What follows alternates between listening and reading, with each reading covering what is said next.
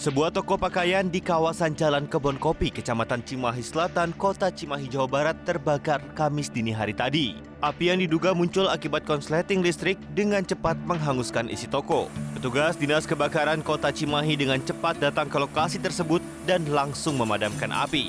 Empat unit mobil pemadam kebakaran dikerahkan untuk menjinakkan si jago merah. Meski tak ada korban jiwa, namun akibat kebakaran pemilik toko mengalami kerugian hingga ratusan juta. Seekor anak gajah liar betina ditemukan tewas di alur sungai dalam kawasan Gampong Cot Setui, Kecamatan Kemala, Kabupaten Pidi, Aceh.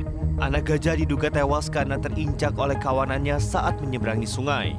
Penemuan anak gajah yang mati berawal dari patroli mitigasi konflik tim unit respon konservasi Mila di kawasan Gampong Cot Setui, Kecamatan Kemala, Pidi, Aceh. Informasi yang diterima oleh Polsek Kemala, anak gajah Sumatera itu diperkirakan mati pada Sabtu 19 Februari 2022. Bangkai anak gajah kemudian dikubur di dekat lokasi kejadian, dilakukan oleh tim CRO Mila, masyarakat setempat, dan personel Polsek serta Koramil 13 Kemala. Kawanan gajah liar tersebut selama ini sedang melintas di hutan dan perkebunan warga Kecamatan Sakti dan Kemala Pidi Aceh. Para petani wortel di lereng Gunung Merapi dan Gunung Merbabu Boyolali, Jawa Tengah menggelar aksi unjuk rasa atas anjloknya harga jual wortel mereka. Sebanyak lima ton wortel hasil panen dibagi-bagikan ke sejumlah pengguna jalan dan kepada para pegawai sejumlah kantor dinas lingkungan Pemkap Boyolali. Para petani lereng Gunung Merapi dan Gunung Merbabu mendatangi kantor dinas ketahanan pangan Pemkap Boyolali dengan membawa sejumlah poster dan menyampaikan kekesalan mereka atas anjloknya harga jual panen wortel. Harga jual yang semula mencapai 3.000 hingga 3.500 per kilogram, kini hanya 1.000 hingga 1.500 per kilogramnya. Petani menuding anjloknya harga disebabkan lemahnya kebijakan pemerintah kabupaten yang tidak membendung serbuan produk wortel dari luar daerah. Petani menduga produk wortel yang kini membanjiri pasaran di Boyolali datang dari luar Pulau Jawa. Sementara itu, Kepala Dinas Ketahanan Pangan Pemkap Boyolali menyebut pihaknya telah menawarkan pendampingan pasca panen dan mengusulkan setiap ASN di lingkungan Pemkat Boyolali memberi wortel. Rajin tahu di Kabupaten Gresik, Jawa Timur terpaksa menaikkan harga jual produknya imbas melambungnya harga kedelai yang mencapai Rp11.500 per kilogram. Kenaikan harga jual produk tahu sebagai upaya terakhir untuk menutup biaya produksi agar tidak merugi. Sejumlah perajin tahu di Kabupaten Gresik, Jawa Timur kembali beroperasi setelah libur satu hari imbas kenaikan harga bahan baku kedelai impor yang mencapai Rp11.500 per kilogram. Perajin di sentra tahu, Desa Gadingwatu, Kecamatan Menganti, Kabupaten Gresik semula bertahan tidak menaikkan harga jual produknya. Namun harga kedelai yang terus merangkak naik membuat usahanya kelimpungan dan merugi. Sebagai upaya terakhir, mereka mulai menaikkan harga jual produknya dari Rp220 menjadi Rp230 per buah. Iswati, perijin, perajin tahu mengatakan kenaikan harga tahu terhitung sejak Rabu kemarin untuk menutup biaya produksi. Perajin berharap pemerintah secepatnya menyetabilkan harga kedelai agar harga jual tahu bisa kembali normal. Kasihan pelanggan. Tetap ya? Tetap harus kita inisiatifnya ya ya aja, nggak apa-apa lah. Kita mengalah dulu gitu. Menaik, Menaikkan harga mulai hari ini. Mulai hari ini. Dari berapa ke berapa? Dari harga 220 sekarang menjadi 230.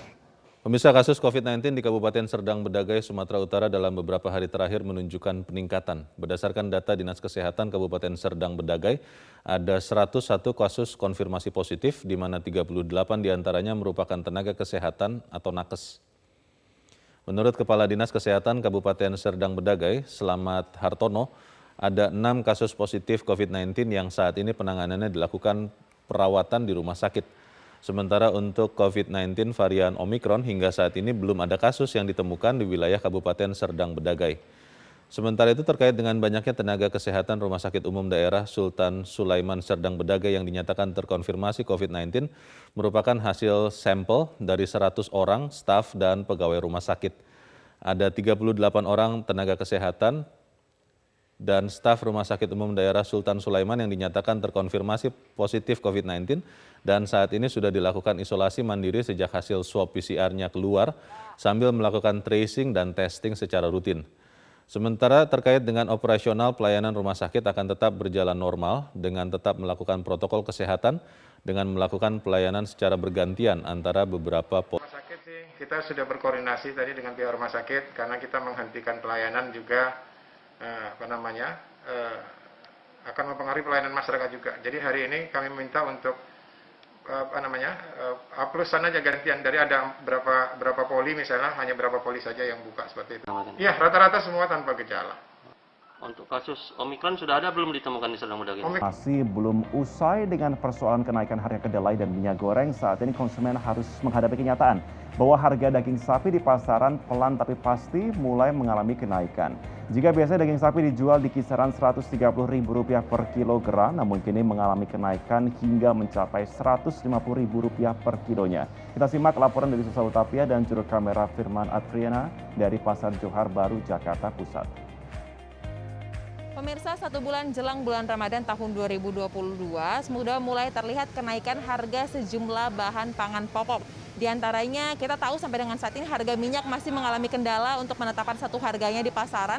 Namun kini untuk harga eh, daging sapi di pasaran juga sudah mulai mengalami kenaikan. Saat ini saya sudah berada di Pasar Johar Baru, Jakarta Pusat dan kita akan cari tahu berapa besar kenaikan harga daging sapi di satu bulan jelang bulan Ramadan. Halo Bapak, boleh disebutkan namanya? Pak Udin aja. Ya, Pak Udin, sudah berapa harga daging sapi ini dan berapa lama kenaikannya terjadi? ya, seminggu yang lalu ya udah naik. Kita udah jual 14. Ya, ada yang ngejual 15, ada cuma itu doang. Kenaikannya berapa besar, Pak? Kalau saya pokoknya saya jual 13 biasanya, sekarang 14. Ya, Kenaikan ini terjadi langsung di angka 10 ribu, 15 ribuan atau bertahap, Pak? Enggak kita tadinya begini, bertahap aja dari sana pun naik terus. Kita bertahan dulu. Baru dia nggak bisa, kita gimana ya? Kita terpaksa ditaikin sekitar 4 harian.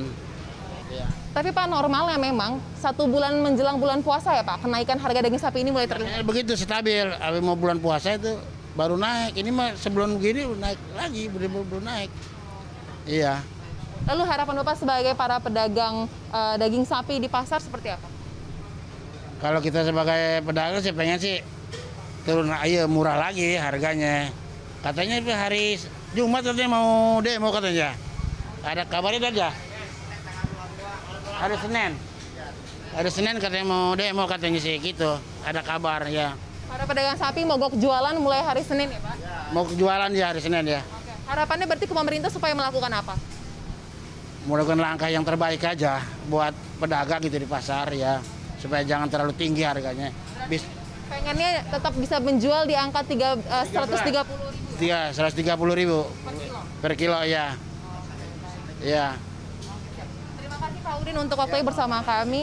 Demikian pemirsa, wawancara saya dengan salah satu pedagang daging di Pasar Johar Baru, Jakarta Pusat. Memang saat ini kenaikan dari harga daging sudah mulai terlihat meskipun bulan puasa masih satu bulan lagi. Dan diharapkan pemerintah pun dapat melakukan intervensi agar harga daging ini dapat lebih terjangkau tidak hanya bagi para pembeli tetapi juga bagi para pedagang. Ya, pemirsa puluhan sopir truk mendapatkan pembinaan dari Kepolisian Daerah Jawa Barat usai menggelar aksi penutupan ruas tol Perbalingi pada Selasa lalu. Aksi yang dilakukan sebagai bentuk protes terhadap kebijakan kapasitas muatan atau over dimension overload dinilai telah mengganggu ketertiban umum dan mengakibatkan kemacetan.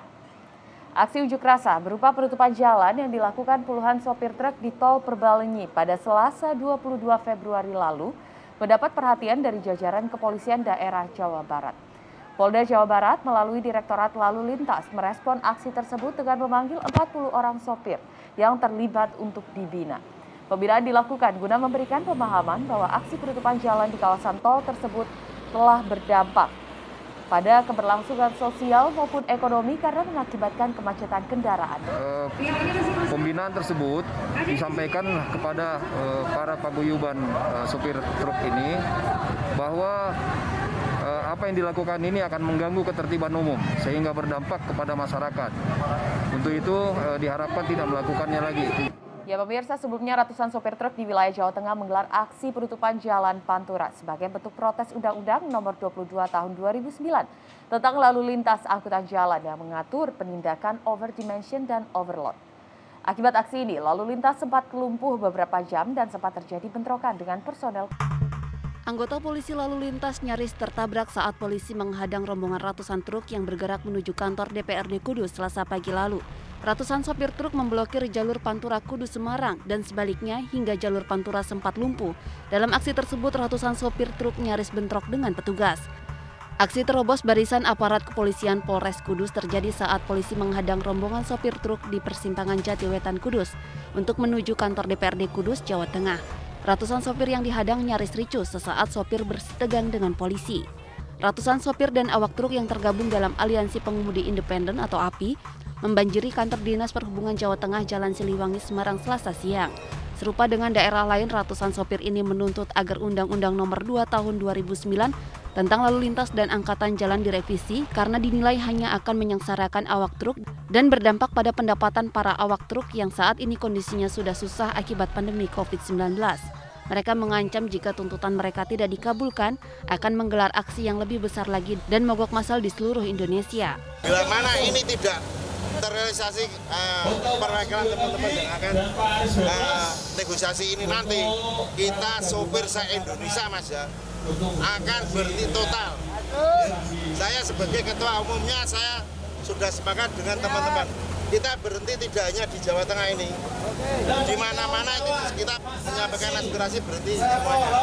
Kita Aksi blokir jalan pada hari Selasa lalu juga dilakukan oleh para sopir truk di jalur Pantura Batang, Jawa Tengah. Aksi protes digelar di sebelah timur Terminal Banyu Putih dengan cara memarkirkan ratusan truk di dua jalur sehingga melumpuhkan arus lalu lintas Pantura dari dua arah sepanjang 3 km. Pihak Disub yang bernegosiasi dengan peserta aksi berjanji meneruskan aspirasi sopir truk ke pemerintah pusat serta dalam waktu dekat untuk mengundang tiga pihak yakni pengusaha truk, sopir truk, dan pengusaha pengguna jasa angkutan. Setelah ada kesepakatan, akhirnya peserta aksi membubarkan diri dan arus lalu lintas Pantura berangsur